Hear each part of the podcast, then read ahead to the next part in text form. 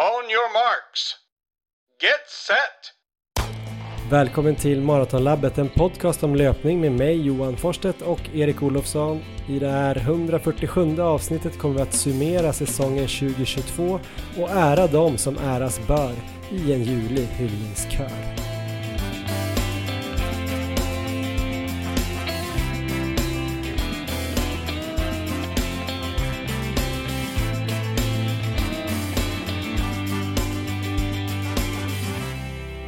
Ho, ho, ho! Från oss båda till er alla en riktigt god jul.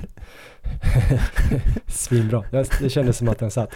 Ja du Erik Olofsson, det här är alltså ett bonusavsnitt som vi släpper på julafton 2022 och det vore ju kul om du som lyssnar just nu är ute på en morgonrunda eller har smitit från julskinkan och gått iväg och lyssnat på lite löparpodd eller kanske står och diskar efter julstöket med nya hörlurar oavsett när eller hur ni lyssnar så är ju alltså detta vår julklapp till er och eh, i det här avsnittet kommer vi att sammanfatta ännu ett fint löparår för det har det väl ändå varit va Erik? Ja men det tycker jag, både för oss och eh, framförallt för väldigt många duktiga löpare runt om i Sverige har det varit ett fantastiskt år. Mm, många lyssnare som har presterat fantastiskt. Vi har ju koll på de flesta som lyssnar och även andra duktiga löpare och eh, i det här avsnittet så kommer vi att uppmärksamma några löpare.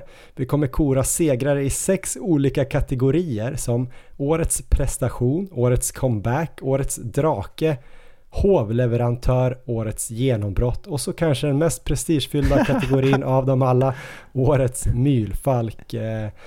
Det kommer ju intervjuer med två av de här prisvinnarna och så har vi tänkt att i slutet av avsnittet summera våra egna säsonger och så kanske har vi någon eh, lärdom där att dela med oss av och kanske kan vi släppa någon liten sneak peek inför 2023, något mål då som vi kanske kan bjuda på redan nu. Eh, men hur är det med dig Erik? Börjar julefriden infinna sig i eh, Casa de Olofsson i Uppsala? Ja men det är nog lite mer stress än så länge tror jag, men vi spelar ju in på, ja vad är det ens för dag? Onsdag är det, så att det, det finns väl lite tid kvar att komma i den här julefriden. Jag laddade upp igår med eh, lite magsjuka här på min son, så att då var det ju en sömnlös natt och eh, ja, en ganska både jobbig natt och dag. Så att eh, träningen just nu vet jag, jag har inte ens själv koll på den riktigt. Jag har liksom fått släppa alla sådana här tankar på van der Poel-upplägg för tillfället och försöker, försöker få in lite träning då och då om det är möjligt. Och du har väl haft lite samma problem som jag har förstått det? Ja, jag tror att min äldste son eh, går ju in på sin, eh, jag vet inte när han var på eh, förskolan senast, men jag tror att han var borta hela förra veckan och alla dagar den här veckan. Så att han har nog varit sjuk typ i tio dagar och han har haft först någon typ av influensa och sen magsjuka som han då fick av den yngre sonen som först hade influensa men blev frisk lite tidigare. Gick tillbaks till förskolan förra onsdagen för att jag tänkte så här det är ju bra om han eh, får gå lite på förskolan för han är ju precis inskolad så jag tänker han måste ju vänja sig innan jul för då kommer han ju vara borta så länge. Eh, så att han kan gå tillbaks då efter jul. Så att han fick gå tillbaks på onsdagen, han var ju frisk. Två timmar senare fick vi ett mail då eh, om att det gick magsjuka på, på förskolan. Så det lyckades ju han då få. Några av hans kompisar där då, småkompisar, eh, hade till och med spytt på, på förskolan. Så det kom ju då på honom först och sen på, på den andra då. Så att vi är lite samma situation där. Jag har eh, bara varit hemma med barnen och eh, försökt trycka in lite träning. Men eh, alla, jag vet inte, små problem antar jag i det stora hela i världen. Man har det ju bra ändå. Men, ja, men det eh, har vi. Hade ju kanske helst inte haft sjuka barn. Men jag har klarat mig ganska bra. Ja men det är bra Johan, vi gör bort det här innan jul. Så när det väl är julafton där så kommer vi vara ute och mysjogga på morgonen och sen bara vara friska och glada.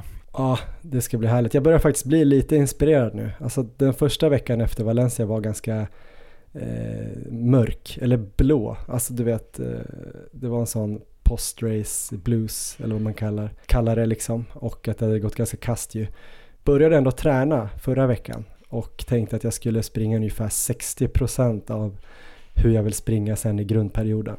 Eh, fick in något styrkepass och där någon gång kanske så här eh, dag 8, dag 9 efter Valencia så började jag ändå googla lite på lopp och så här och tänka Aha. på vad jag skulle satsa på här i vår och så. Så det känns ändå som att jag är på väg uppåt och eh, får väl se hur julen eh, kommer in där och eh, påverkar det.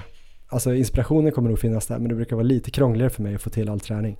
Än så länge är jag absolut inte i, i riktigt bra träning men gjorde ett tröskeltest igår faktiskt också. Just det, du var på Activitus va? Ja, jag var på Activitus och träffade Jeff Frydenlund då som börjar bli lite känd tränare här nu. Han tränar ju Sanna Mustonen, Kristoffer Lås, Johanna Bäcklund bland annat, Helena Bjälkemo.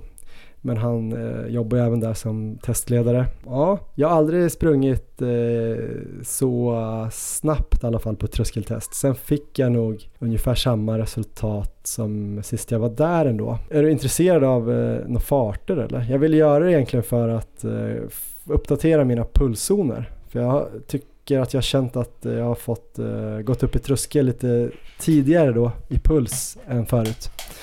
Eh, annars har jag haft ganska bra koll på tror jag vart jag har haft mina tröskelzoner, i alla fall den eh, anaeroba tröskeln. Det tycker jag man känner ganska bra om man springer någon halvmara bra och någon 10 kilometers bra. Då vet man att det är någonstans däremellan i alla fall. Nördiga testresultat är alltid välkomna här i podden och eh, jag tycker det är ganska intressant att göra det så här efter maran, ett par veckor efter. Det är väl då man är som absolut sämst form kan jag tänka mig, att man liksom har haft en formtopp och sen bara går ner sig. Det är ju liksom lite tanken att man ska göra det, så att har du hyfsade resultat på det här testet, då ser ju det väldigt lovande ut. Ja, men jag hade ändå, eh, Nanna den anaeroba tröskeln var ändå 3.35 då, ganska rimligt tänker jag ändå. Och sen hade jag väl 4.20 på den aeroba tröskeln. Så kanske om jag tränar lite, lite mer så skulle jag snart då kunna köra en, eh, en Mara sub 3 utan att få eh, högre laktat än vilolaktat. Det är väl en milstolpe ändå. Ehm, Ja, men det har du säkert gjort många gånger redan tror jag. Ja, kanske. Nej, men det var helt okej. Och jag fick väl eh, lite nya då pulszoner här så att det, det känns bra. Så har jag något att börja på så hoppas jag att jag kan göra något mer test här innan tävlandet kommer igång där kanske i eh, slutet av mars, början av april eller så. Eh, du då Erik, har du eh, tränat någonting innan det här mm, uppehållet med, med Leons mage? Ja, men just för tillfället vet jag knappt själv. Jag försöker tänka tillbaka på vad som har hänt. Men jag hade ju ganska bra veckor där ett tag. Jag hade två veckor där jag sprang i alla fall över 20 mil och dessutom hade bra med alternativträning, mycket bike, erg nu här när vintern har kommit och eh, en hel del styrketräning också. Men sen så då, vad var det, förra veckan tror jag, så eh, det kanske är jag som är i källan här i hemmet bakom den här magsjukan, för jag var riktigt hängig där någon torsdag, fredag, så då var det väl i princip ingen träning alls. Så jag trodde jag var på väg att bli magsjuk, men det var mest att jag Ehm, ja, hade yrsel och låg mest i sängen och vilade och sådär. Så att eh, den veckan blev inget vidare och den här veckan har inte heller startat speciellt bra. Det var ju då Leon som blev sjuk och jag har fått tag i hand om honom. Idag så lyckades jag i alla fall komma ut på ett eh, morgonpass och nu när jag ska få in lite mer kvalitet i den här så kallade övergångsperioden då som jag är inne i nu så testade jag idag att springa lite snabbare eftersom jag hade ju begränsat med tid jag kunde vara ute. Så idag var jag ute och sprang eh, 21 kilometer i 4.00 snitt blev det väl. Och det eh, är ändå ganska snabbt för mig just nu. Jag springer ju det mesta i lugn distansfart liksom. Så att det, det var ett bra pass. Eh, mm, på slutet så försökte jag trycka upp farten lite ner mot 3.45 kanske, då var jag, började jag närma mig tröskelpuls och sådär, så jag hade några kilometer där, men det kändes lite för, eh, vad ska man säga, för lätt att komma upp i tröskelpuls. Jag hade kanske hoppats att inte riktigt nå upp i den pulsen, men däremot så kändes det ganska bekvämt någonstans att ligga där mellan 165 och 170 i puls, så det tar jag väl som positivt ändå, att jag känner mig ändå redo eh, in mot tröskelperioden som kommer sen att eh, få in mycket volym där, men sen så är det såklart att ska jag nå de eh, målen jag har framför mig och de farterna jag vill springa i så måste jag ju verkligen eh, förbättra farten där eh, på tröskelpulsen. Men det hoppas jag väl ska komma också. Men senast så pratade vi väl en del om att jag skulle gå in i den här övergångsperioden där jag skulle börja lägga in kvalitet och jag var ganska orolig om över hälsenan, för den har ju strulat till och från hela tiden. Och det positiva som jag ändå har känt är att de kvalitetspass jag har kört, som mest har handlat om progressiv distans, har ändå gått bra med hälsenan. Så det ser ganska lovande ut. Sen så kan jag känna lite oro över hur kroppen i övrigt ska klara av den här övergången till mycket kvalitet, för jag har ändå känt lite grann i underben och sådär ibland, kanske någon känning i vaden som jag haft problem med tidigare och sådär, så att det kommer nog komma en del sånt där strul kan jag tänka mig. Men, eh, men just nu då så är ju, ja, nu, nu kommer jag ha tre veckor framför mig ungefär, eller två och en halv i alla fall, när det är jullov för Leon.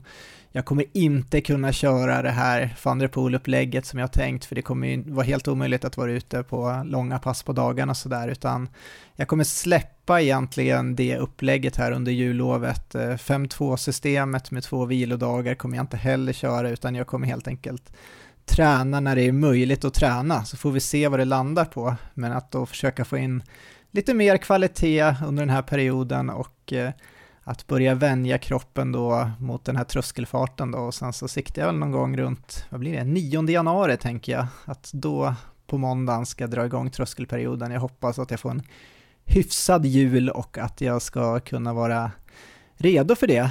Men även om du släpper några av de här grejerna i ditt upplägg så kommer du fortsätta att eh, dricka grädde och äta IKEA-glass va?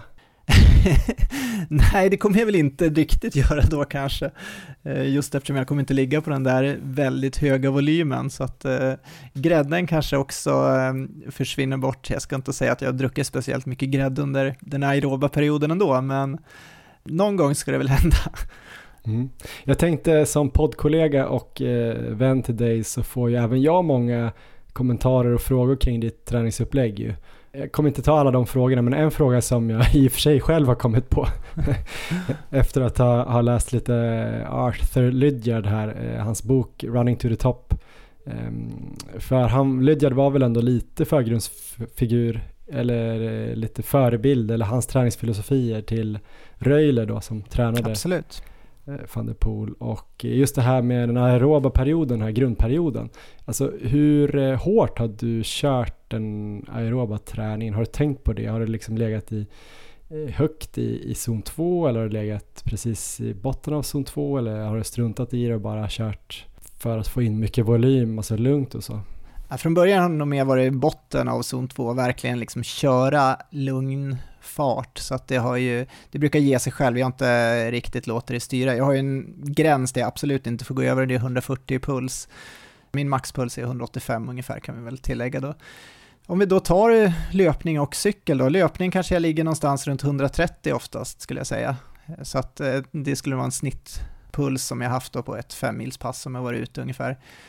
Cykel så är det ju mm, ja, lite lägre då när jag har cyklat utomhus, då kanske jag legat eh, 120 till 125. Eh, nu när jag har kört bike så är det lite lättare att liksom hålla en jämn puls och sådär, så där känner jag att jag har kommit upp lite högre i puls där. Där kan jag eh, ligga runt 130 till 135 kanske i snitt. Så att det, det, har funkat bra, för då har jag fått jobba lite högre i puls där också. Men jag har ju funderat lite på att ändå kanske försöka få upp eh, farten lite, har jag mer då tänkt på de här längre passen, för att kanske ligga runt eh, femfart i snitt, det tänker jag ändå ska vara eh, helt möjligt utan att liksom slita ut sig för mycket. Då kommer ju pulsen såklart gå upp lite grann, men, men jag har inte, det, det har inte liksom varit några krav, några prestationskrav, utan det handlar ju mer bara om att få in den här eh, totalvolymen egentligen. Just det. Nej, men eh, varför jag frågade om det där med eh, farten var bara att jag läste om Lydia och han fick väl lite kritik om att det bara var slö löpning, att man skulle springa de här 160 kilometerna som han pratade om. Men att det, han menar mer att det var liksom steady running, alltså ganska högt upp i zon 2 då, översätter jag det till. Just det. Eh, typ 16 mil och sen sa han att mina atleter, eller mina löpare springer typ lika mycket till, lugn, alltså bara ut och joggar. Jag vet inte hur gjorde van der Poel, alltså låg han ganska nära sin aeroba tröskel eller Ja, nej, jättebra fråga. Jag kan inte rakt av säga vart han låg pulsmässigt under den aeroba perioden, men det var väl, det var inte så att han körde överdrivet hårt där i alla fall, även om han, alltså han, han är en väldigt bra cyklist också, så det är klart att eh, om, när man går på watt och sånt där så låter det ändå väldigt högt när man hör hans resultat därifrån. Men eh, sammantaget så jag tycker ändå jag har haft en, eh, en bra aerob period.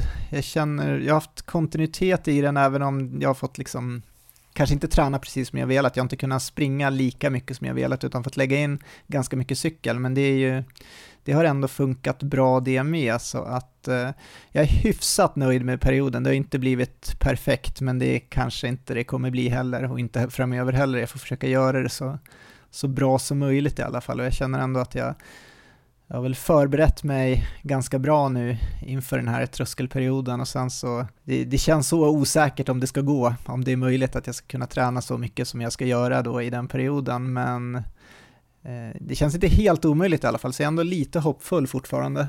Det ska bli väldigt spännande i alla fall att gå in i det.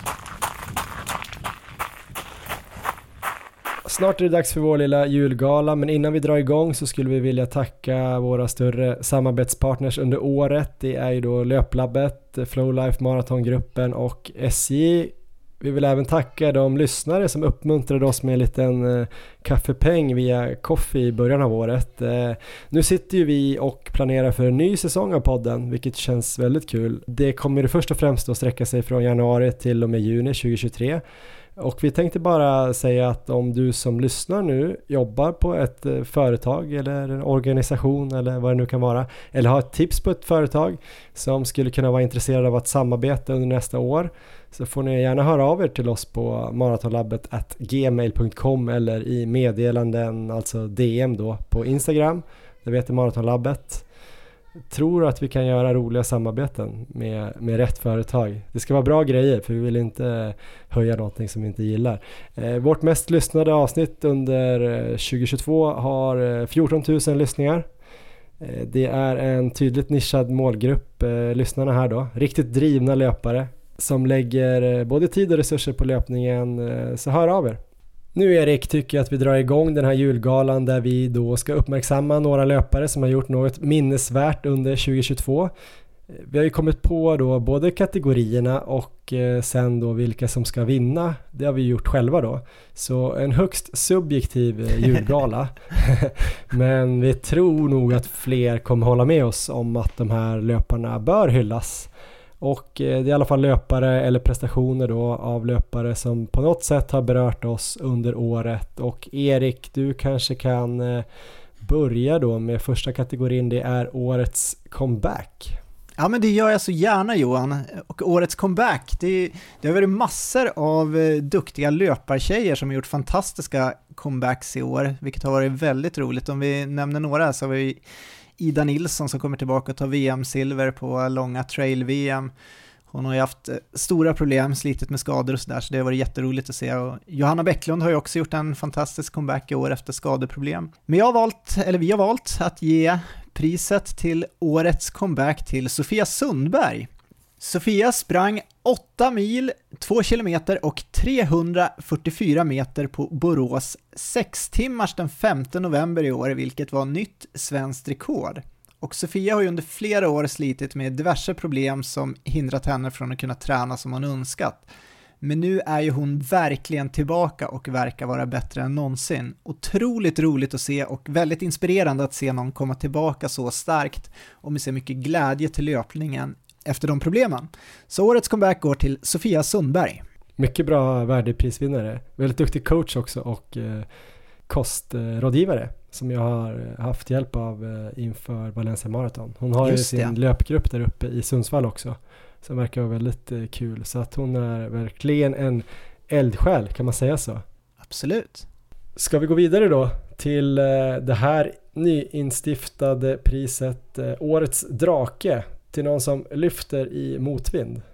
Det finns ju säkert jättemånga som har eh, haft det motigt och eh, förändrat det till någon eh, styrka egentligen och kämpat sig igenom det. Vårt val här då har gått, alltså vinnaren heter då Sofia Norgren från Ludvika, 41 år.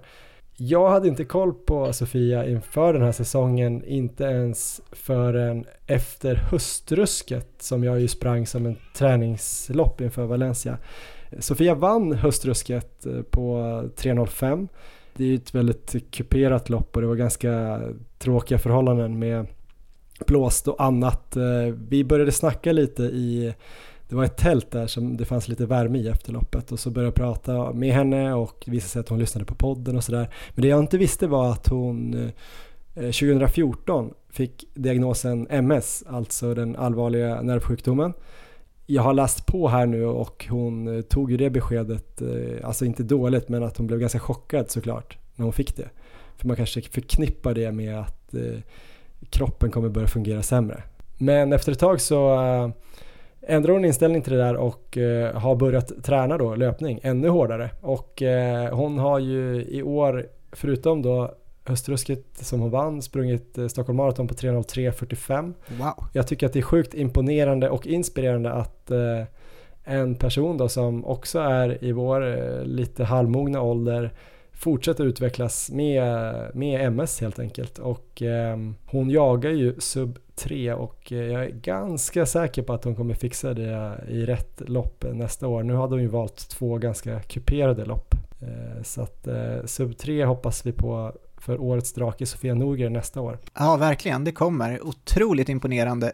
Då har vi kommit till eh, årets genombrott, Erik. Eller var det förra årets genombrott?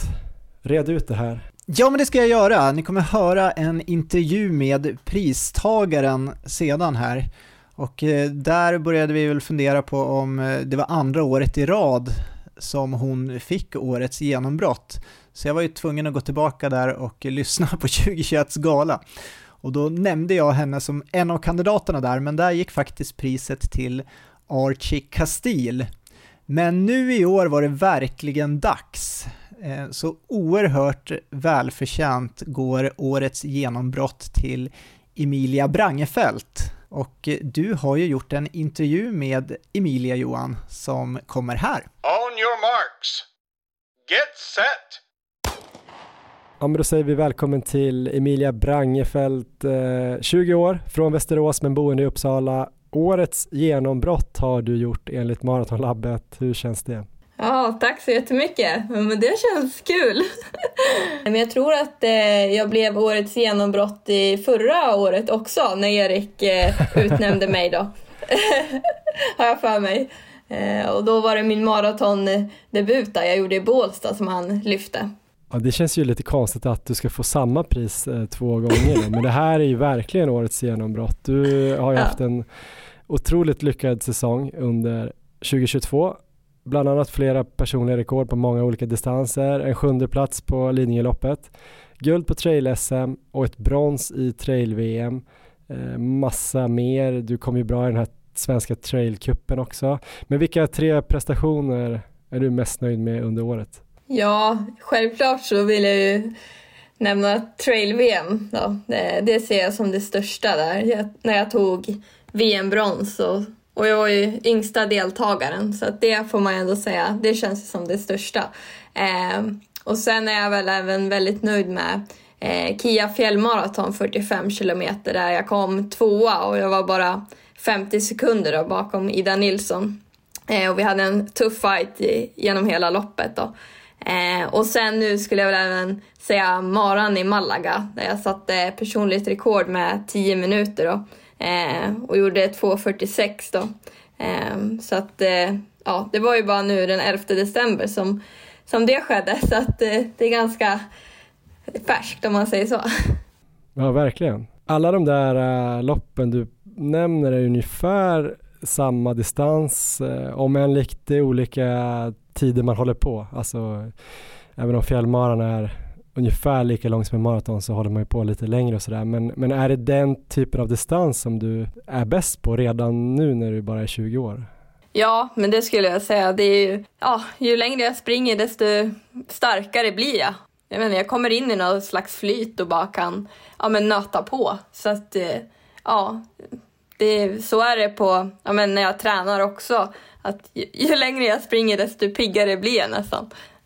Så att, och sen att jag kan ja, men mata på länge i samma fart. Eh, det är väl ja, en talang i sig, att man inte blir trött alltså på, på det sättet. Har det alltid varit så och var kommer det ifrån tror du i sådana fall?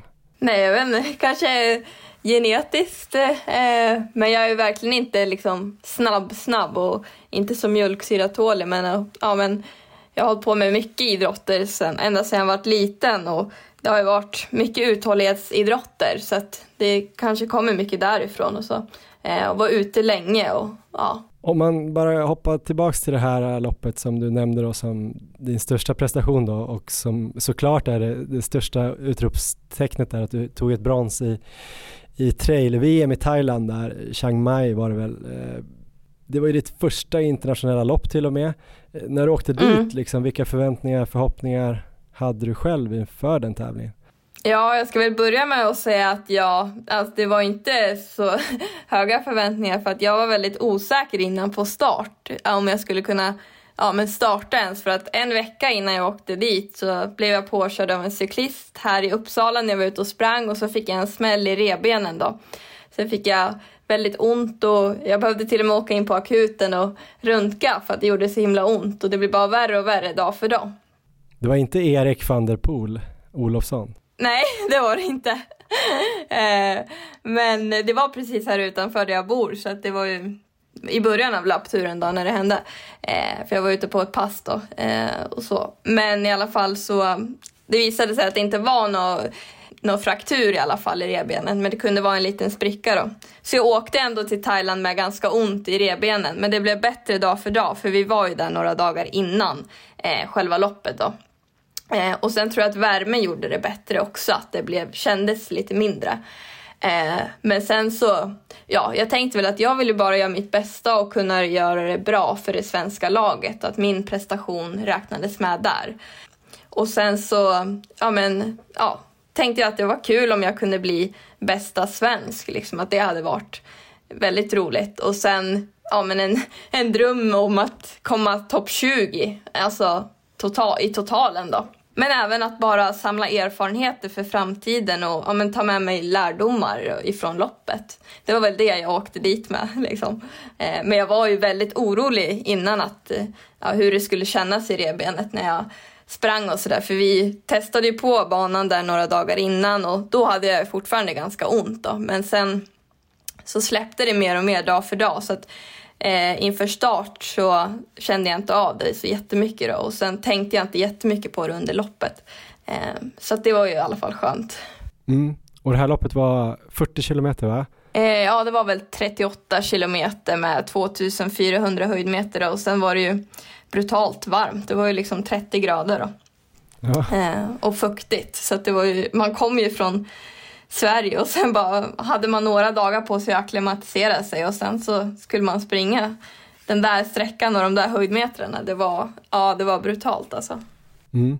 Men när på underloppet då så började du förstå att du faktiskt kunde vara med i toppen och kämpa och när förstod du att det kunde bli medalj?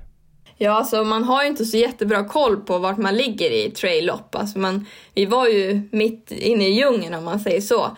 Men eh, när jag passerade Sebastian Ljungdahl, för han hade brutit och det var i den andra eh, stigningen, det var typ efter ja, men 18 kilometer eller något. Eh, och då så, eh, när jag passerade honom då, för vi, det var en lång stigning på 9 kilometer, och då så sa han till mig när jag passerade att jag låg tvåa. Och jag kunde inte ens fatta det själv. Jag bara, nej det kan jag verkligen inte göra. Vad är det här liksom? Han bara, jo men du ligger tvåa. Jag bara, är du säker? Han bara, ja, jag är helt säker. Och sen så hörde jag någon annan, alltså någon eh, från publiken, eller inte publiken, men från någon som stod längs banan, eh, så var det en man som skrek så här att du ligger bara någon minut efter ettan liksom. Och sen var det folk som ja, men skrek att du är tvåa, du är tvåa och sen kom jag ju upp till till vätskestationen där våra landslagsledare stod och då så de bara du är tvåa och sådär. Eh, och det var väl ja, men när jag passerade Sebastian där efter 18 kilometer som jag märkte att jag ja, men hade chansen. Eh, och även när jag kom upp och passerade när det var ja, men, eh, kanske 15 kilometer kvar och sådär. Att jag låg så pass bra som jag gjorde. Hur var sista biten in till mål eh, därifrån då? Och vad var det första du tänkte när du sen korsade mållinjen? Ja, nej, den sista milen, det var sjukt jobbigt för att jag hade ju ja, men väggat fullständigt kan man säga. För jag hade fått slut på mitt eget vatten i flaskorna som man bär med sig på bröstet. Och, så att jag verkligen suktade efter vatten. Och jag hade ju fyllt på ena flaskan uppe på toppen där ja, men landslagsledarna stod. Men jag hade haft svårt att stänga flaskan så det mesta hade jag ändå skumpat ur. Eh, så att man kan ju verkligen säga att jag kämpade och man var ju hela tiden lite stressad på om någon låg bakom för ja, man, jag visste ju inte hur lång, långt de där spanjorskorna då som kom fyra och femma var efter mig. Å andra sidan så var jag redan så glad då, alltså den där sista milen för att jag, jag hade ju, alltså jag låg ju bäst av alla svenskar och hade gjort ett jättebra lopp. Så det kändes ju stort då. Och sen ja, men när jag korsade mållinjen då, alltså det kändes ju helt ofattbart och ja men det är helt liksom ja, magiskt på något sätt. Och jag kommer ihåg att jag, jag grät det första jag gjorde när jag klev över mållinjen. Liksom var hur lycklig som helst för jag fattade det inte ens.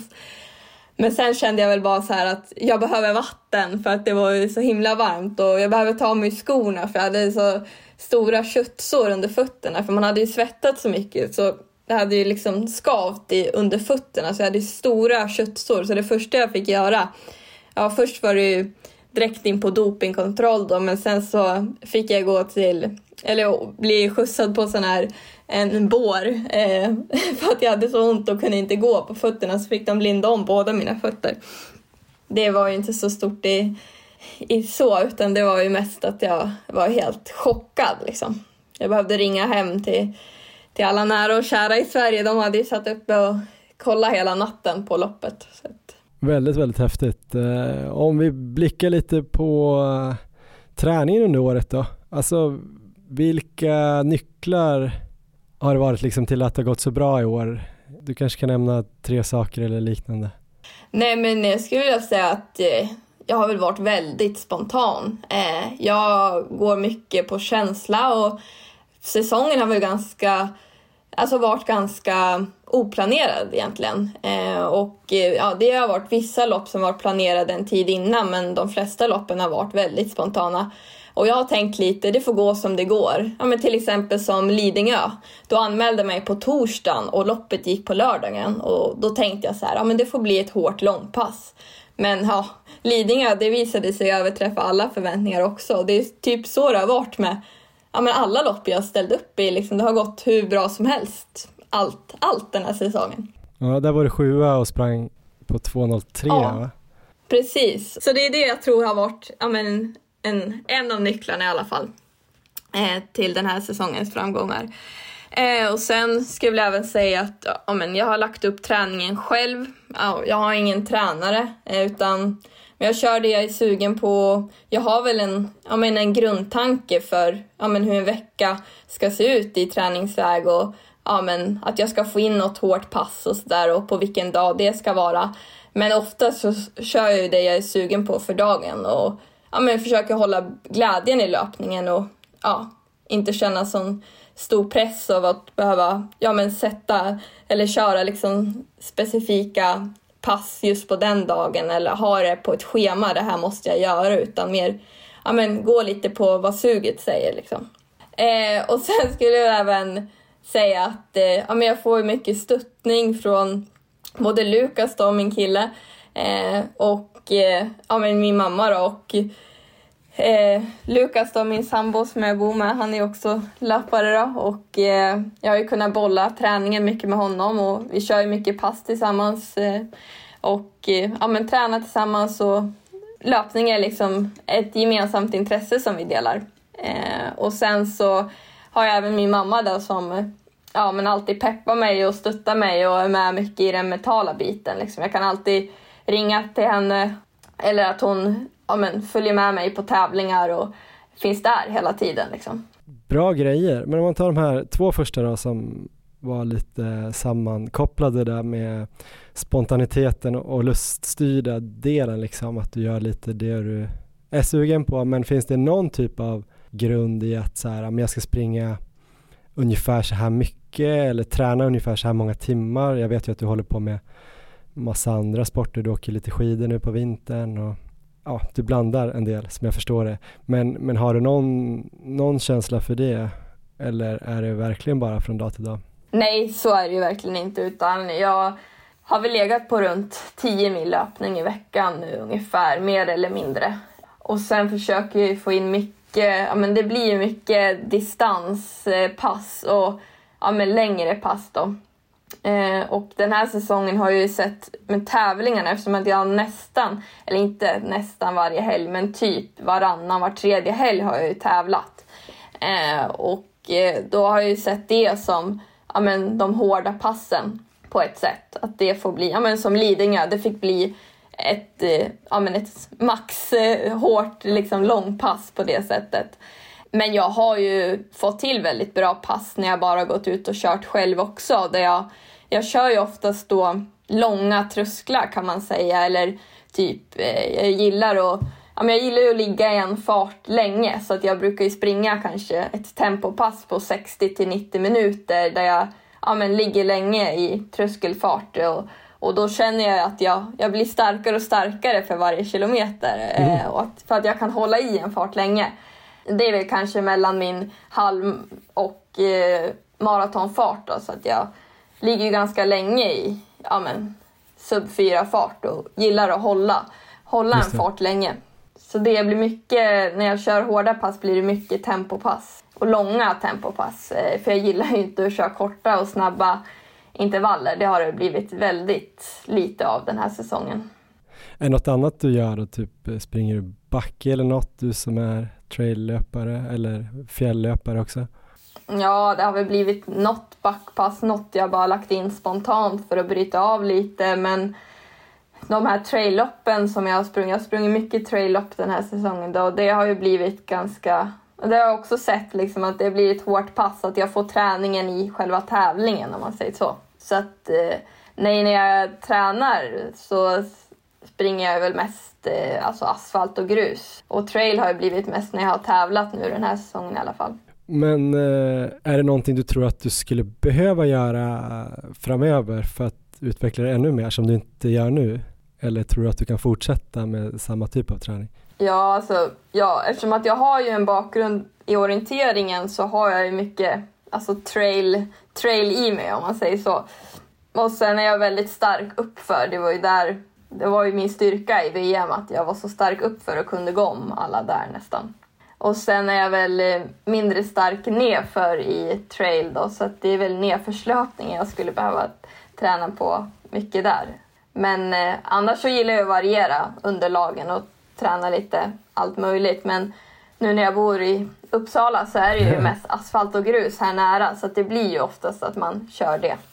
I år har du ju persat på liksom 5000 meter på bana tror jag, 10 kilometer halvmaraton, maraton, Lidingöloppet, de här fjällloppen i, i Jämtland och, och, du persar ju såklart i Thailand också. Men eh, kommer du springa, fortsätta springa allt möjligt även nästa år eller kommer du satsa ännu hårdare nu på till exempel trail och sånt eller?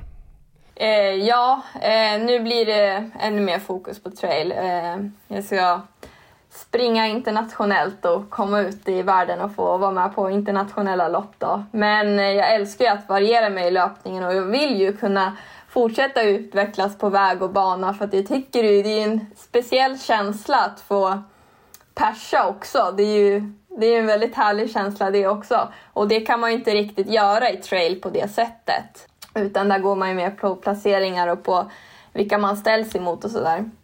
Eh, och jag tycker att eh, ja, men det är variationen är ju en viktig framgångsfaktor eh, för mig, tycker jag. Eh, och det är det som får mig att behålla träningsglädjen och, och motivationen.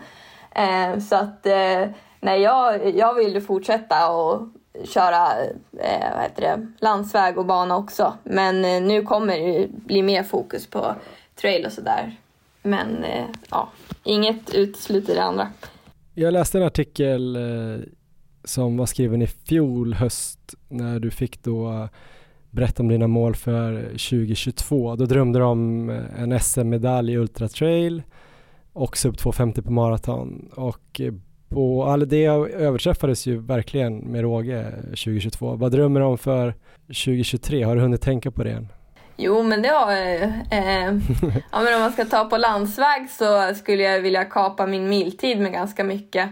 Eh, och även halvmaratontid med mycket. Eh, nu när jag sprang i Malaga så jag passerade ju nästan halvmaraton med, på pers då. Eller det var ju en, en liten tid ifrån men eh, det var ändå ganska nära mitt eh, halvmaraton pers då.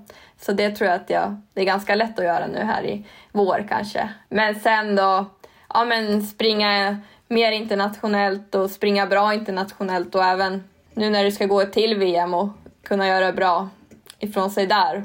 Eh, och sen har jag väl även en dröm om att kunna vinna då OCC i UTMB som går, eh, går i slutet av augusti. Så det hade varit coolt. Och först ska man ju kvala in dit och sådär. Men eh, hon som kom, eh, spanjorskan som kom femma nu på VM, eh, hon vann ju OCC nu när det gick här i, i augusti då. Så att, eh, det känns ju inte omöjligt att kunna vara med där i toppen och, och tampas då. Just det, är det, det är inte det som Petter Engdahl vann utan det är ett som är lite kortare? Ja, exakt. Det är det kortare om det är, var det, 50 eller 56 kilometer någonting tror jag. Så att, eh, ja, vi får se. Ja, men det fixar du.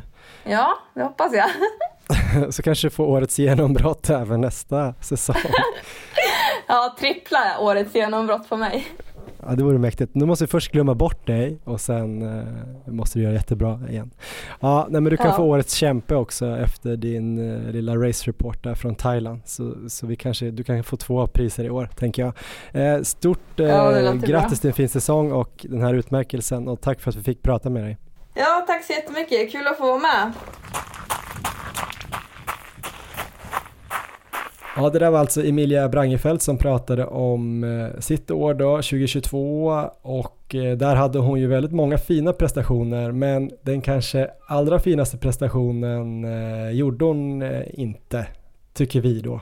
För att årets prestation, det priset kommer gå då föga oväntat till Andreas Almgren. Hans 13.01.70 på 5000 meter på Diamond League i Bryssel var någonting eh, i hästväg, säger man va?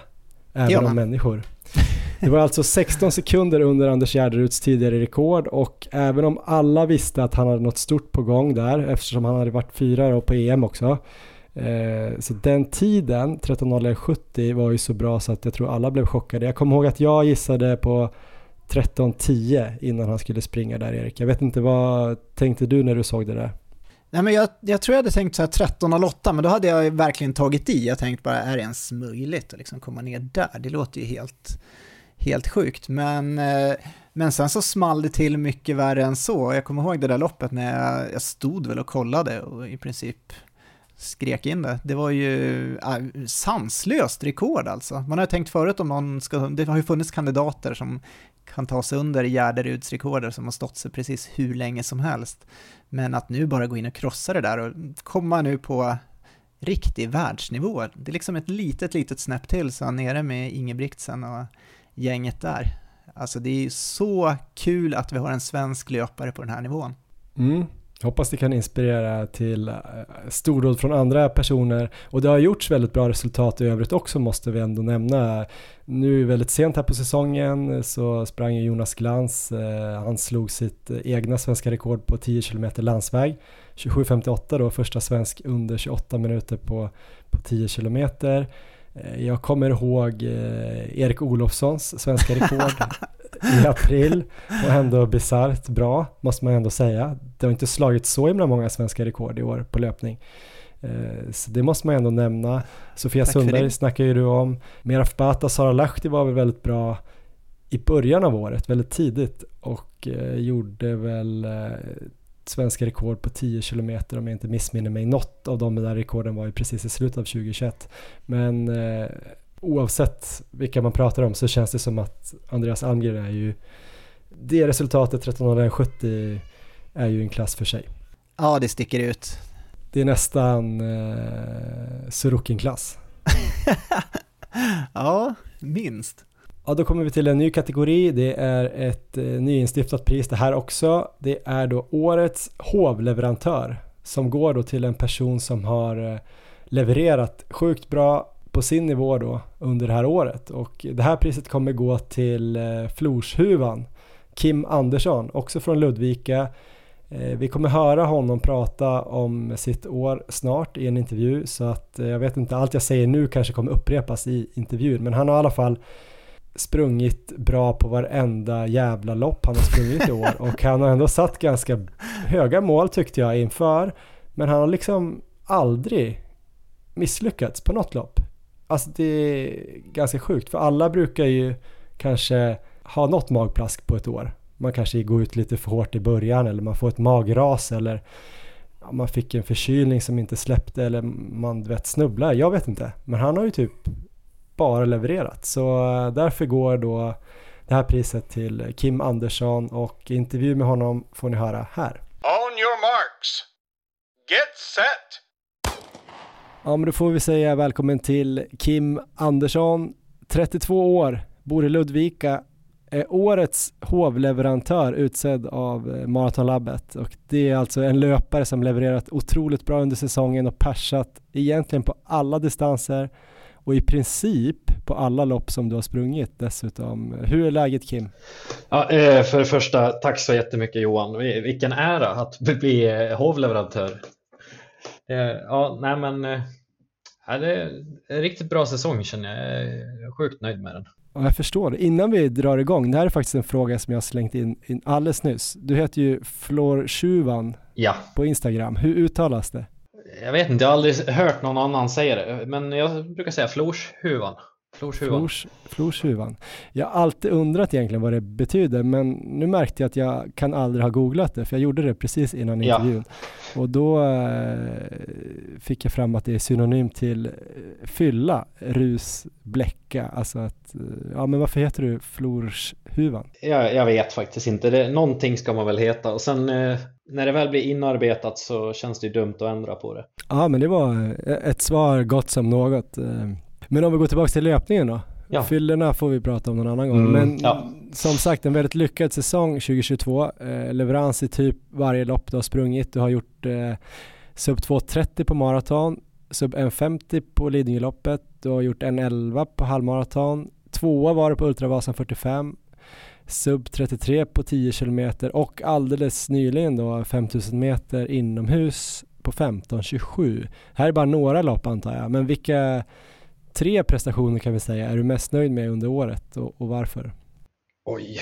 Eh, nej, men jag, jag, är oftast nöjd med alla loppen, men eh, av de här du har radat upp så är det ju verkligen eh, Lidingöloppet som jag håller närmast hjärta. Det, jag satte upp ett mål för fem år sedan måste det vara nu, att eh, jag ska springa under 1.50. Och sen, ja, och det, det tar ju lite tid att träna upp sig och bli bra. Och sen ja, missade, missade jag två upplagor av loppet också. Men eh, i år, på årets Lidingölopp, då klarade jag att gå under de där 1.50. Och, ja, det, det, det, jag tror att det är den bästa prestationen jag har gjort. Sen är jag nöjd med det andra också. Det är Maran i Köpenhamn på ja, 2.29-23. Den, det, var, det var skönt att jag klarade det för jag tyckte träningen inför var så själadödande tråkig. Det var, det var, skönt, det var skönt att den bar frukt. Sen, eh, jag, jag tror eh, en 11 på halvmaran är jag väldigt nöjd med också. Jag, jag, tror att, jag tror att den är bättre än maran. Jag är inte säker, men jag, det känns som det. Ja, men kanske lite bättre om man kollar sådana här löparkalkylatorer, men det är ju bara ja, ja baserat på någon generell eh, mm. formel där. Men ändå, det var ju kanske på ett lopp som Åstadsloppet i Örebro också, som du skrev var en hel del grus och, och svängigt och så. Så du, jag, jag tänker Köpenhamn är väl ganska platt och bra? Det, ja, eh, Köpenhamn var riktigt platt. Det var ju, jag minns ingen backe i alla fall. Kanske var ett eh, litet motlut någonstans. Men det, nej, det, det, det, finns ingenting att klaga på på den banan. Men det var ganska mycket spännande med det loppet också. Köpenhamn, jag följde det bara via Instagram då tror jag. Men men som du sa, själadödande träningsperiod, du har inte sprungit så många maror som jag förstår det. Du sprang väl Uppsala i fjol och det kändes som en av dina första typ? Ja, jag, jag debuterade 2017 i Växjö på eh, 2.39 ja, höga. Jag kommer inte ihåg, jag var under 2.40 i alla fall precis. Så då, det är väl det kan jag nämna också, du som är van vid kramper. Men det är enda gången jag fått kramp på ett löplopp. Det var med 200 meter kvar. Då blev jag av med andra platsen till någon Ärla-löpare som heter Simon.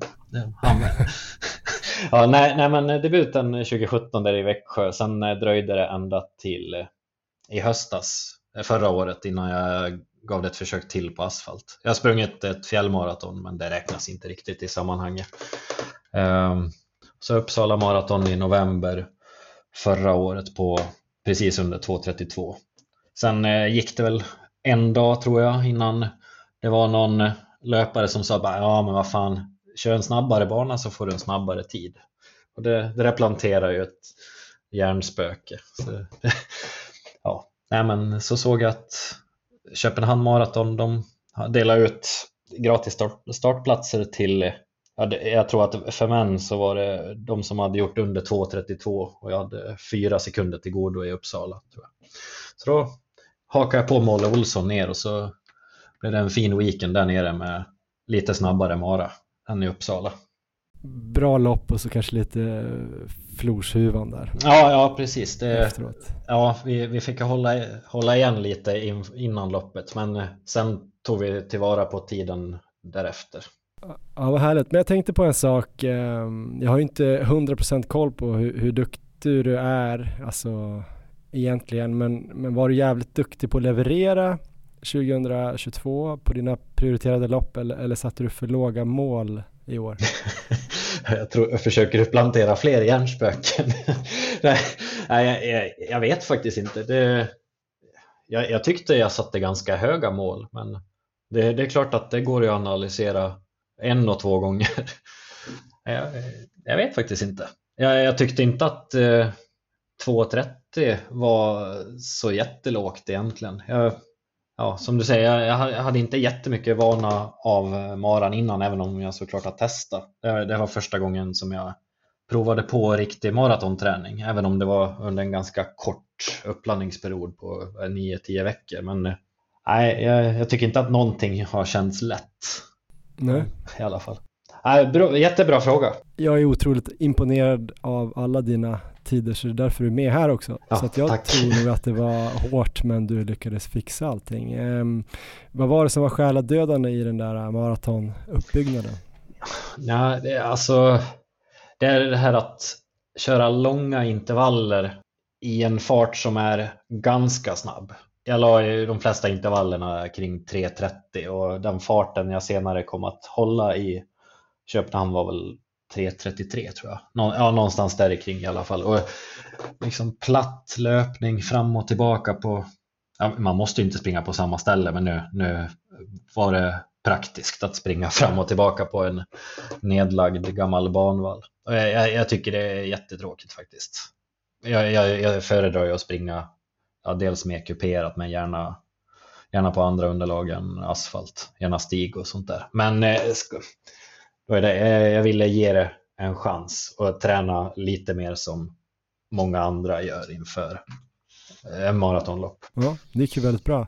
Ja. An annars då i träningen, eh, nämn tre saker i, i din träning, eller runt omkring för den delen, som har varit nycklar till att det har gått så bra i, i år. Ja, eh, jag funderar lite över det där själv. Jag, jag började studera förra hösten och det har ju gett en helt annan flexibilitet än vad jag har haft tidigare när jag har varit på mitt eh, vanliga arbete. Så ofta så kan jag ju träna mitt på dagen eller ja, när jag känner för det och sådär. Eh, jag, blir inte, jag är inte lika trött nu som jag kunde vara efter jobbet.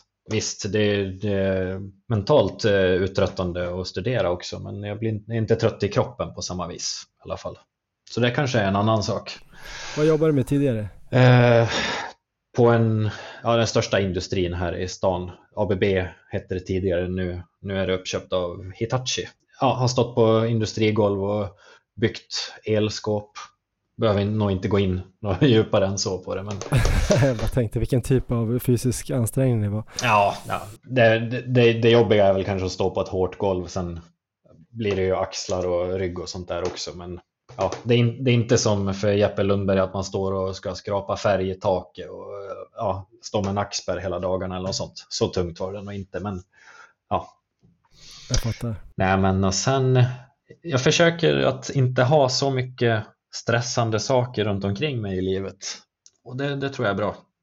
Men sen kan man inte alltid ha det så heller. Men ja, jag tror att eh, det är några av grejerna som har gjort att det känns bra i år. Sen är såklart en annan förutsättning är att inte bli skadad eller sjuk för ofta. Så ja, ta i trä. Det hänger kanske också ihop med det här att du inte är stressad mm. och är piggare så kanske du inte blir sjuk eller skadad. Nej. Jag slänger ut en genial tanke här. Ja, Nej, men det är nog inte långt ifrån sanningen. Det. Men eh, vi kan hoppa dit direkt så kommer vi tillbaks kanske till årets träning. Men, men det här året 2022 blir ju någonstans ännu mäktigare i alla fall för mig. Jag kommer ihåg att jag följde också dig då lite på Instagram, kanske läste något blogginlägg. Du hade ju en lång period. Nu var det ju inte 2021 som jag hade fått för mig utan 2019 och 2020 när du ja, var eh, ganska mycket borta från träning och tävling. Det var nästan ett år du drogs med sjukdomar och, och trötthet. Berätta lite om den perioden. Ja, det var ju eh, hösten 2019 som det började. Det var, var ungefär en vecka innan Lidingöloppet det, år, det året, så mitten av september någonstans där. Och det var inget särskilt egentligen. Jag åkte på en riktig, eh, riktigt rejäl bruksförkylning eller vad man ska kalla det för. Så det var ju bara att glömma träning ett tag. Men, och de värsta symptomen försvann väl efter ett par veckor som det, ja, som det ska göra. Men eh, jag fortsatte vara sjuk. Alltså det värsta gick över men jag blev aldrig frisk helt. Och efter en månad då blev jag, jag började bli ganska orolig och sen ja, du vet, du vet förmodligen hur det känns när man inte har tränat på ett tag. Man blir ja, man behöver ju göra det så att säga började söka hjälp hos vården. Tog massa blodprover och grejer och ja, visst, lite försämrade värden. Men eh, ingenting som var utanför några referensramar. Men eh, det hjälpte inte mig. Jag, var ju, jag, jag, vet, jag visste ju att jag var sjuk och sådär. Men eh, matt liksom. Orkade inte göra någonting. Kom på mig själv när jag gick hem från jobbet en dag att jag, jag var tvungen att ta pauser i backen upp till lägenheten. Jag bor cirka en kilometer från eh, arbetsplatsen och jag orkade knappt gå hem. Jag, jag fortsatte ja, in och ut vid vårdcentralen och tog prover och, ja, av alla de slag. Det var eh, TVAR och det var eh, borrelia och det var långtidssocker och ja, nej, men allt möjligt liksom. Fick jag göra arbets-EKG och ja, lite allt möjligt. Men de kunde inte hitta något fel som syndes på provresultaten i alla fall.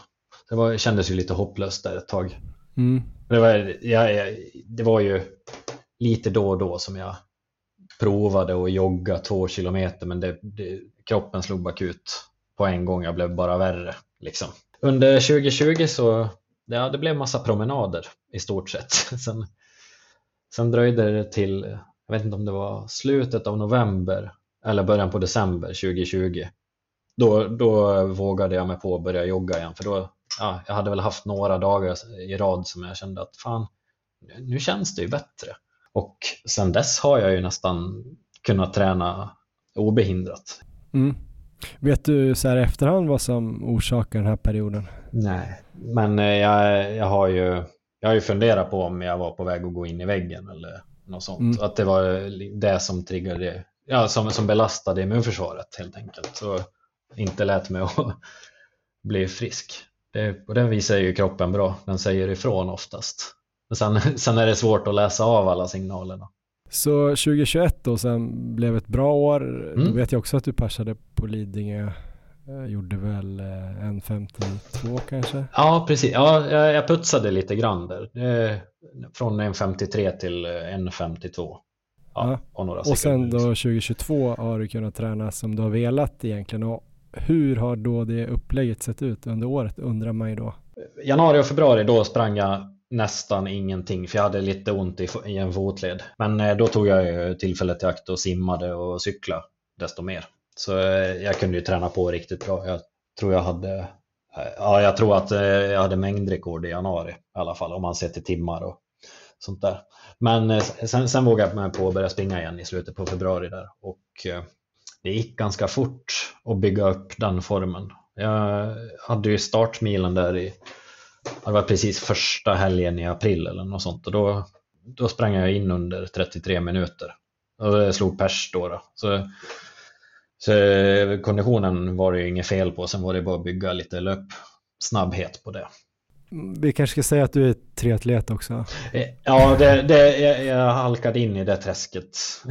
det, det, jag skyller på skadorna. Det, det blir så att man, man får löpa knä, köpa en cykel så man kan fortsätta träna, tycker det är lite roligt, får eh, ryggskott, börja simma för att det är det enda som funkar. Och sen när man, när man väl är stark nog i kroppen så ja, då tycker man att de där grejerna är kul. Förhoppningsvis. Så eh, ja, men, eh, triathlon är ganska kul och det, det motiverar mig till att ja, men, hålla i de här andra grenarna. Men jag lägger, jag lägger mest energi och mest fokus på löpningen. Det är mycket, mycket roligare än de andra grenarna. Men sen när du blev löpbar så att säga där framåt vårkanten, eh, hur mycket skulle du säga att du springer ungefär då eh, veckovis och hur mycket lägger du då på alternativträning eller vad man ska kalla det då som, som eh, sim och cykel till exempel? Det blev ju naturligt mindre simning och cykling efter att jag kom igång med löpningen. Man har ju x antal timmar man, man kan träna på i veckan. Så, men jag byggde ju upp, eh, vi säger att jag började på 11, 22, 33, 44 kilometer, alltså byggde upp lite eh, löpvolymen och sen landade jag väl på 5,5-6 mil någonting ungefär i april och in, inför maran där i maj. Ja, vi säger 6 mil i veckan som är, löp, som är löpning och sen eh, hur mycket det andra är det beror lite på hur mycket jag hinner med. Jag, jag brukar träna mellan 8-9 timmar i veckan Sen kan det hända att det blir mer på sommaren om man cyklar mycket, men, men generellt utslaget på ett år så är det väl någonstans där kring skulle jag tippa på. Hur ser då löpningen du gör, alltså inför Köpenhamn och att inom citationstecken då bara springa sex mil i veckan, hur fördelar du den mängden? Bara fram till mitten av april då, då körde jag bara vanliga, alltså intervallpassen var tusingar eller sex minuter och ja, varvade med distanser och sånt där. Sen när det var en månad kvar till eh, Köpenhamn Marathon då, då kom jag på att fan jag har ju inga långpass och jag har inte några maratonspecifika intervaller heller så jag slog ihop det. Jag, varje långpass blev också långa intervaller. Det var, det var så jag löste det. Det kunde ju bli två långpass samma vecka men med fyra, fem dagar emellan. Då kunde det vara fyra gånger fem kilometer med en kilometer joggvila eller tre gånger sju kilometer och så ja, ja men lite sånt där. Och då landar ju pass, jag tror längsta passet inför Köpenhamn blev på 36 kilometer. Ja, någonstans mellan 25 och 36 kilometer landar de flesta på. Och sen fyllde jag ut med distanser i princip. Har du någon eh, träningsfilosofi eller, eller hur har du delat upp året med träning och sådär? Eh, träningsfilosofin är väl att jag vill se till så att det, träningen är rolig. Det, som sagt, jag sa att det var själadödande tråkigt inför inför Köpenhamn där. Men i, om man bortser från det så försöker jag att eh, hitta något kul med träningen. Och när det, dis, när det gäller distarna, så ja, en ny runda varje gång. Sen är det klart att man, man springer på samma gator. Om man, om man startar på samma ställe så är det ju oundvikligt att man men eh, sticker gärna iväg någon annanstans och springer till exempel. Eller om jag, jag har ingen tränare så det står mig ju jag är ju fri att planera själv så att säga. Så jag hittar på nya pass, bara blandar upp lite. Det är en sak. Kör du väldigt varierat? Jag tänker det finns ju vissa som har fått eh, framgång genom att köra kanske tröskelupplägget och mm. kör väldigt kontrollerat och samma vecka ut och vecka in och sen bara springa lite lite snabbare.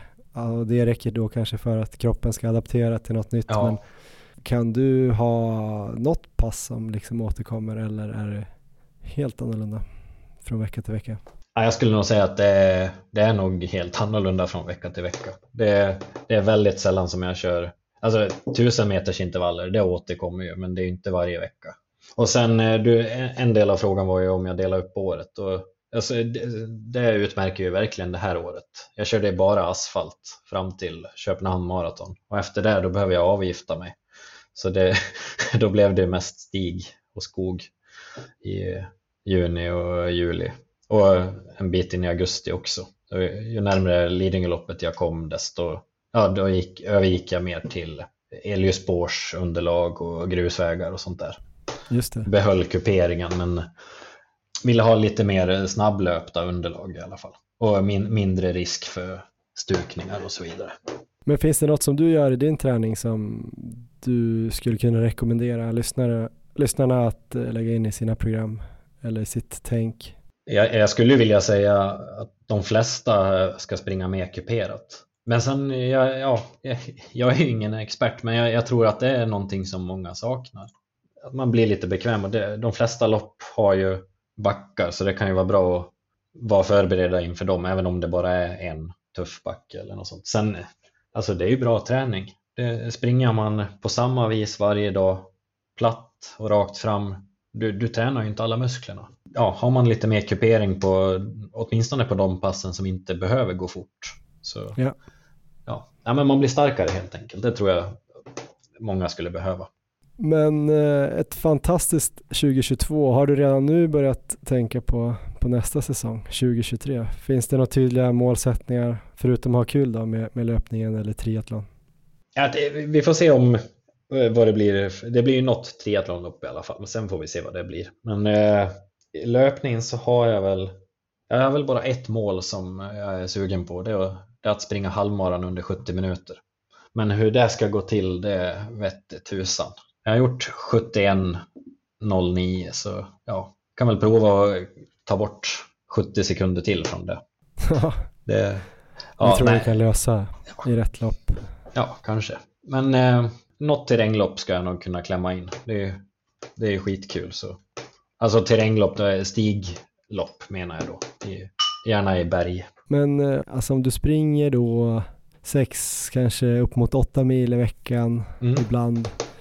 Tänker du någonsin på vad som skulle hända om du skulle springa 12 mil i veckan? Och, det skulle ta två, veck två veckor skulle jag ge det och sen skulle mina knän och hälsenor säga ifrån väldigt mycket. Nej, men jag, jag, jag, har ju haft några veckor som har varit upp mot 10 mil och sånt där, men då har jag ju medvetet dragit ner rejält på volymen veckan efter och kanske två veckor efter också. Jag skulle vilja springa mer. Jag, jag tror faktiskt jag har sprungit mer i år än vad jag har gjort tidigare år.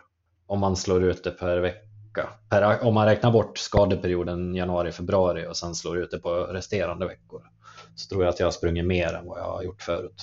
Så jag, jag bygger långsamt på det där. Och förhoppningsvis så lär jag mig något varje gång jag får någon överansträngning. Ja, men eh, du ska stort tack och stort grattis till en fin säsong och till eh, den här utmärkelsen, då, Årets hovleverantör. Ja, det är en riktigt fin titel tycker jag. Mm. Kul att du ville vara med. Ja, men absolut.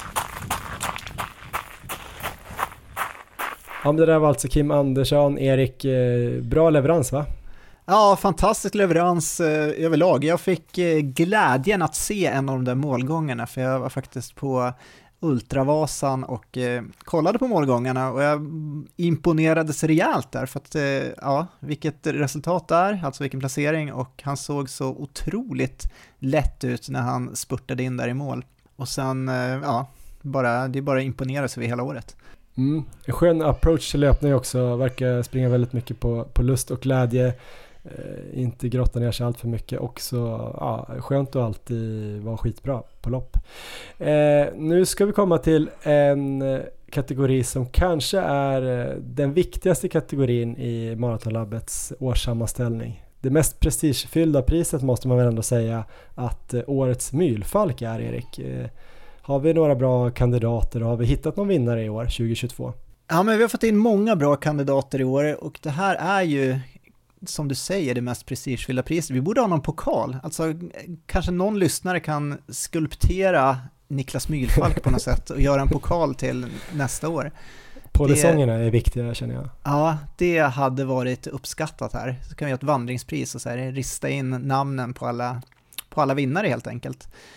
Men som sagt, många bra kandidater. Vi hade bland annat en norsk triatlet som blev nedträngd i ett dike av en ko och fick bryta loppet.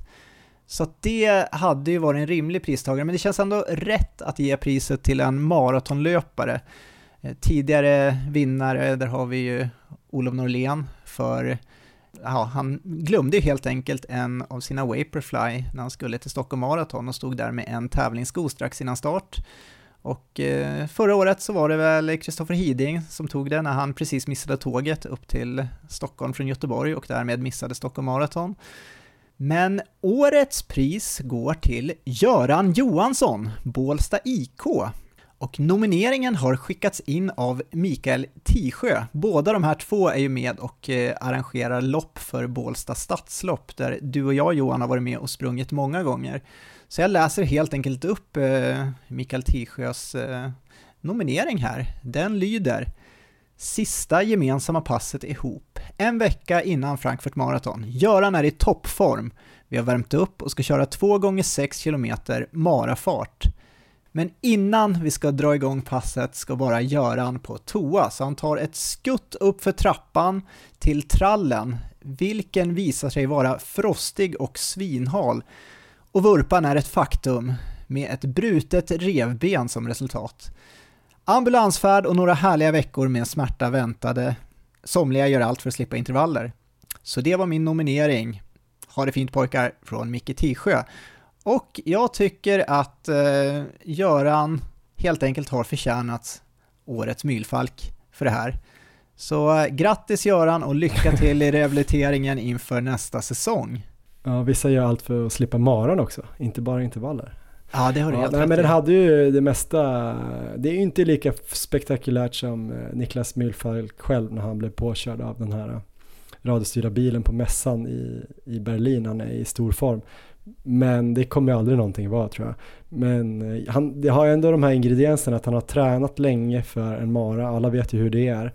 Och man är då också i sitt livsform. Och sen just att man ska ta ett skutt. Varför ska man ta ett skutt? Varför kan man inte bara gå in där en vecka innan?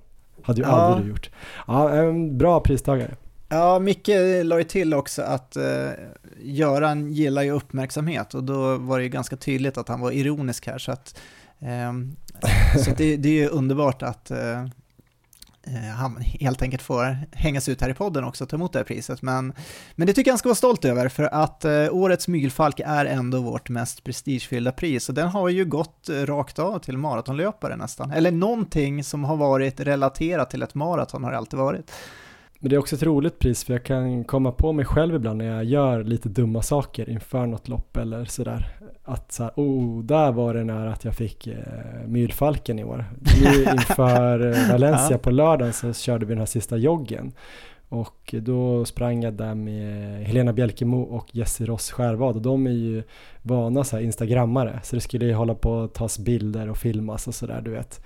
Eh, Jag kanske också gör sånt men hur som helst när jag skulle springa då och någon skulle filma mig och sprang bredvid så började jag fula mig och springa liksom så här, Åh, ja. så här steg åt sidan du vet, så här som man gör på uppvärmningen i fotboll, ett steg bakom, ett steg fram, framför så här och så åt sidan ganska snabbt för att jag skulle ändå se ut som jag sprang väldigt snabbt och, och då kände jag så här, här, och det var så nära att jag bara kunde snubbla där och ja, du vet, bryta ett ben och missa Valencia. Ja, det där har jag sett dig göra på lopp också när du är farthållare. Då brukar du springa omkring sådär. Så att det, det finns många chanser att ta hem årets mygelfalk 2023 för dig Johan.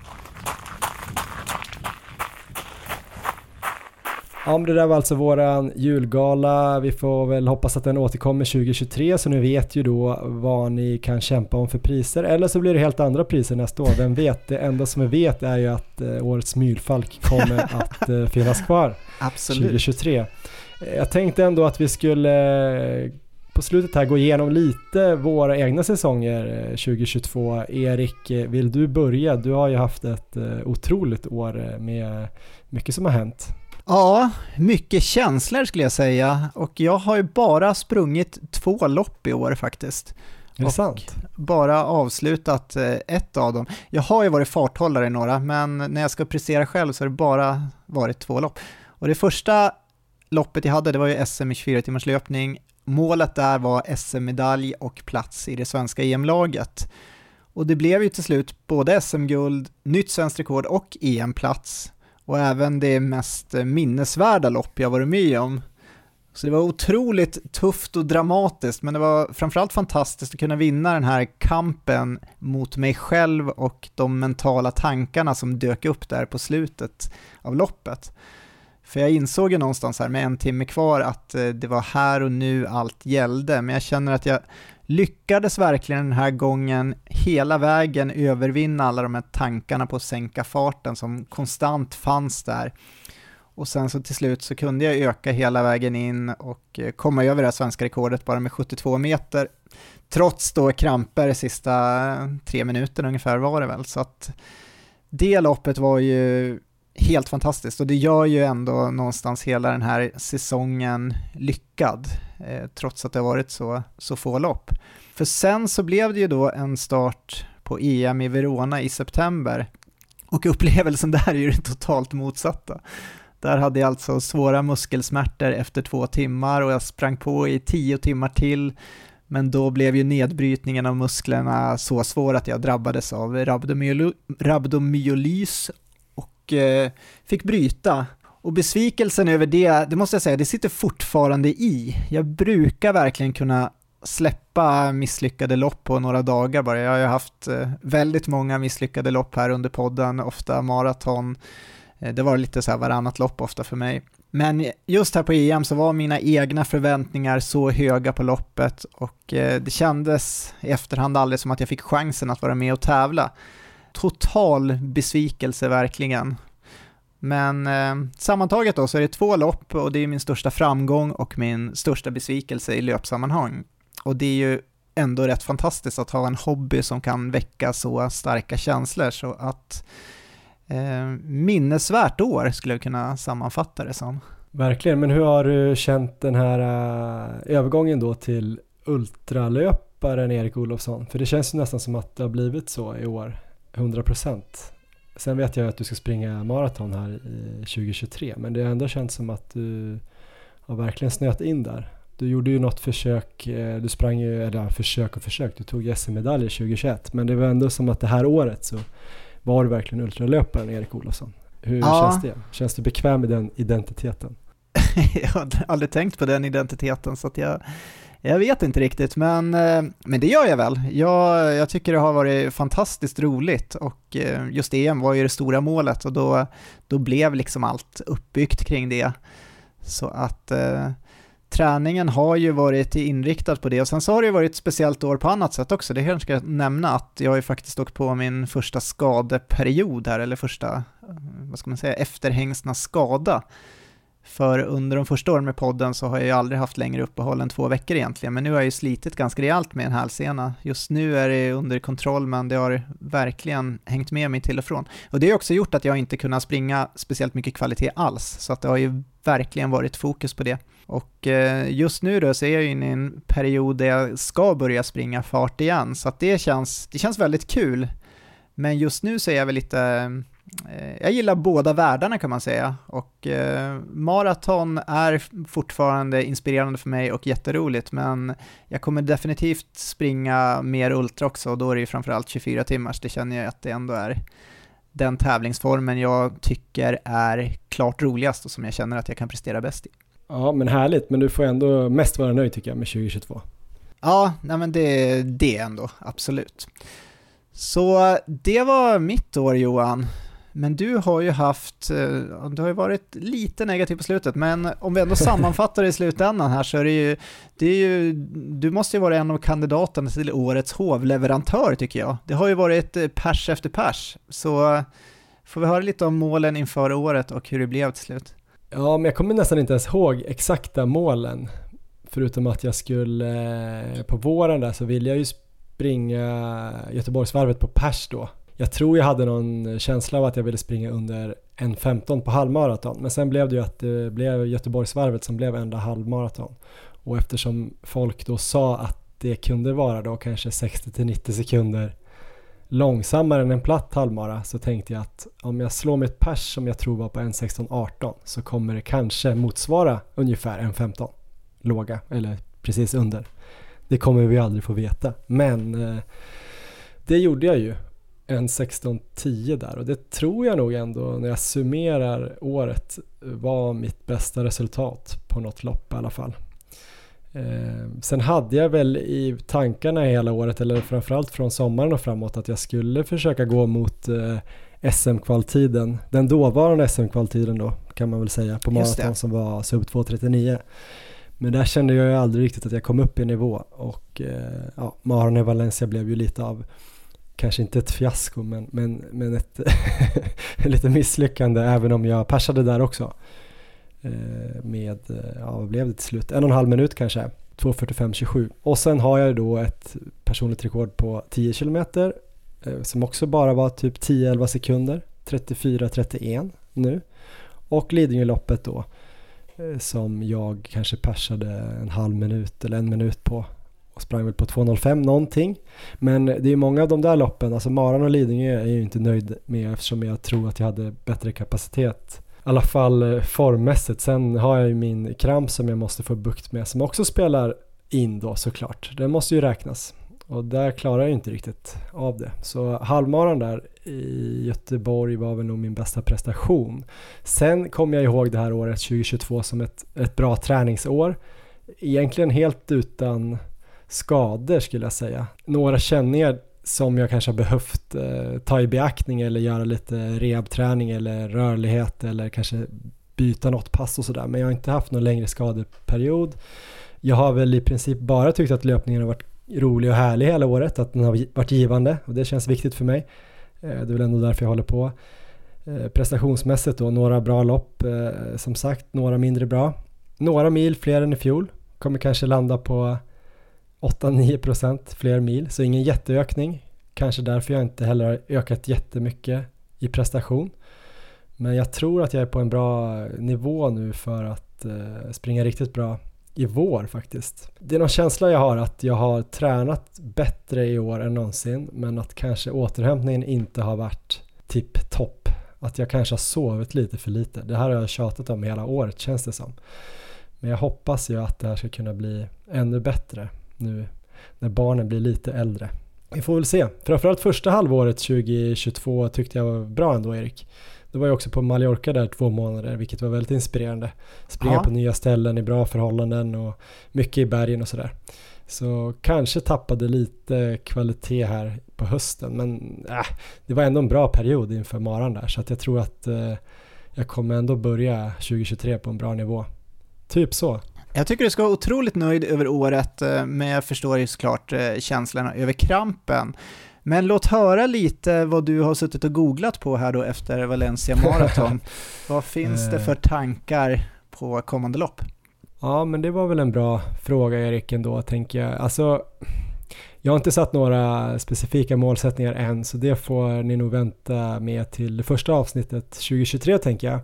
Men eh, från början var jag inte alls sugen på maraton i alla fall, utan jag tänkte väl som vanligt då när jag har sprungit en maraton på hösten att eh, till våren blir det en satsning på 10 km och, eh, och halvmaraton. Nu har jag då, jag har googlat lite på Hamburg halvmaraton vilket eh, har tagit slut platserna och sen har jag väl även kollat lite på Berlin halvmaraton.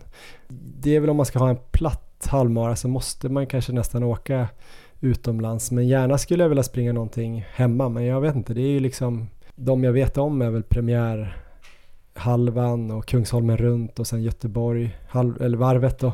Alla de är ju lite kuperade. Det kan ju vara kul att springa ändå, men om man vill göra en riktigt bra tid så vet jag inte riktigt. Sen funderar jag lite grann på att kanske träna hårt mot 10 km och sen kanske ha en period när man har kanske tre lopp ganska nära inpå eh, som dels då kan trigga formen lite, kanske något av de första loppen. Dels att man kanske kan få ett perfekt lopp under bra förhållanden på något av dem, tre eller fyra 10 km loppen. Eh, nu säger jag ganska mycket grejer här, får, det är för att jag vi... blir så jävla inspirerad. Sen Lidingöloppet kommer ju vara sub 2, kommer ju vara min stora målsättning, det måste det ju vara. Det är ju min, eh, min stora, vad säger man, min stora motståndare, den banan ändå. Min älskade motståndare. Jag älskar ju loppet men det går ju aldrig bra på det. Så det, det kommer ju finnas kvar. Men på våren blir det nog det. Men sen har jag lite eh, sug på att Uh, och här kommer jag inte avslöja någonting men kanske springa något kort väldigt snabbt och något mycket längre än vad jag någonsin har sprungit uh, halvsnabbt då, eller långsamt tänker jag. Något mycket längre än du någonsin har sprungit. Ska du lämna det som en cliffhanger eller kan du ge ja. oss lite mer där? Nej, det kanske kommer bli längre än en maraton. Längre än fem mil då i Bydalsfjällen måste det ju vara. Kan det bli. Och kanske någonting väldigt, väldigt Ja, du då Erik, har du någonting förutom då eh, Barcelona Marathon som du redan har släppt, där du ska springa under 2.30 i mars? Ja visst, det är det uttalade målet 19 mars, så det är ju fokus på det just nu, men eh, mitt, eh, vad ska man säga, stora mål sen för året, det kommer inte ligga förrän i december och det är VM på 24 timmars löpning, så där ska jag ha revansch från EM. Så jag ska göra precis allt under det här året ehm, för att vara så förberedd som möjligt för att kunna prestera extremt bra där och det kommer vara ett oerhört smalt mål på VM, men det kommer jag släppa sen eh, senare under nästa säsong. Men eh, vägen dit då, det kommer ju bestå av eh, väldigt många andra lopp och det kommer bli kul år för att jag kommer kunna springa mycket saker som jag inte kunnat gjort tidigare och som ändå kommer passa in i upplägget eftersom att det här VM-loppet ligger så sent på året. Så att jag siktar ju in mig på, jag kommer nog komma till start på SM i 24 timmars löpning också i Växjö i april. Sen siktar jag nog på att eh, också kanske komma till start i Lidingöloppet faktiskt. Det kan det bli och sen eh, får vi se hur det går i Barcelona på maran helt enkelt, för misslyckas det där kan det också eventuellt bli en, eh, ett försök till sen under tidig höst. Mm. Och skulle det däremot kanske gå bra, på, gå bra i Barcelona, vilket jag hoppas, då skulle det kanske Ultravasan också kunna vara en kandidat. Så det finns eh, mycket roliga lopp jag känner att jag kommer kunna springa nästa år. Det kommer definitivt inte bli något år när jag bara springer två lopp, utan det kommer vara eh, dels de jag har nämnt, men även säkert eh, starter på kortare distanser som 10 km och halvmaraton också. Så eh, lite så tänker jag, så får jag försöka pussla ihop det här närmare in, tills vi är tillbaka sen efter jul. Ja, där har ni någonting att se fram emot då 2023 och också då första avsnittet i januari 2023. Vi kommer ju återkomma då när det här första avsnittet släpps Eh, Eh, det kommer väl vi komma med information om på vår Instagram där vi heter Maratonlabbet. Eh, ni kan ju kolla hur vi tränar då på Strava där vi heter Erik Olofsson och Johan Forstedt eh, om vi tränar någonting i jul. Även på Instagram finns ju vi som privatpersoner eller vad man ska säga erik.olo och Johan Forstedt. Vi kommer antagligen båda coacha lite mer 2023 alla fall du Erik, för jag såg att du la ut på Instagram att du kan ta emot lite mer adepter. Det stämmer här. bra. Så om någon är sugen på att ha dig som tränare eh, så eh, hör av er till Erik. Eh, vad kommer du träna för typ av folk? Nej, men vad kommer du träna för distanser? Ja, men framförallt tänker jag maraton och längre. Det är väl där jag känner att, att jag kan ge mest. Så eh, dels inför maraton känner jag att jag har mycket erfarenhet själv och vi har väl lärt oss mycket här under alla år med podden helt enkelt. Så det gör jag gärna, tar in adepter på alla nivåer inför eh, olika maratonlopp och även såklart längre. Om man är sugen på att prova på 24 timmars till exempel så är det bara att höra av sig. Ja, jag kommer nog också skaka liv lite i min eh, coachning. Jag låg lite lågt här ja, när jag var föräldraledig och sådär. Men jag är inspirerad att hjälpa folk till eh, att hitta sitt bästa jag. Jag har ju coachat någon här och det har ju gått väldigt bra i alla fall. Jag kommer nog eh, kanske då fokusera på maraton och kortare distanser. Ja, Mer klassiska som 10, 21 och Lidingöloppet och maraton. Så möts vi på maraton. Då kan vi hjälpa varandra också om vi om vi kör fast med någon adept så kan vi ju ringa varandra och bolla. Det är ju perfekt. Verkligen. Eh, så hör av er till eh, mig då, Johan Forstedt på Instagram eller dig erik.olo är väl enklast. Jag får väl också lägga ut någonting på, på min Insta så kanske vi gör något gemensamt inlägg på, på vår eh, gemensamma Instagram. Så får man väl välja den som känns som den snällaste tränaren, eller den hårdaste. ja, så är det. Det blir skitbra. Eh, kul, det här var vår julklapp till er lyssnare. Jag hoppas den var okej i alla fall. Bättre än någon gammal socka um, vad säger man, Semester Edition. Men, uh, men det blev nog bra tror jag, hyfsat. Uh, du får en riktigt god jul och gott nytt år Johan och alla ni lyssnare också. Mm, nu ska jag fortsätta dricka glögg. God jul Erik!